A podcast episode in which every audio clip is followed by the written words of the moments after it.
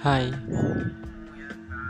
kali ini aku mau membagikan sebuah podcast di penghujung senja. Aku ingin kalian mendengar cerita tentang diriku dan dia. Next ya.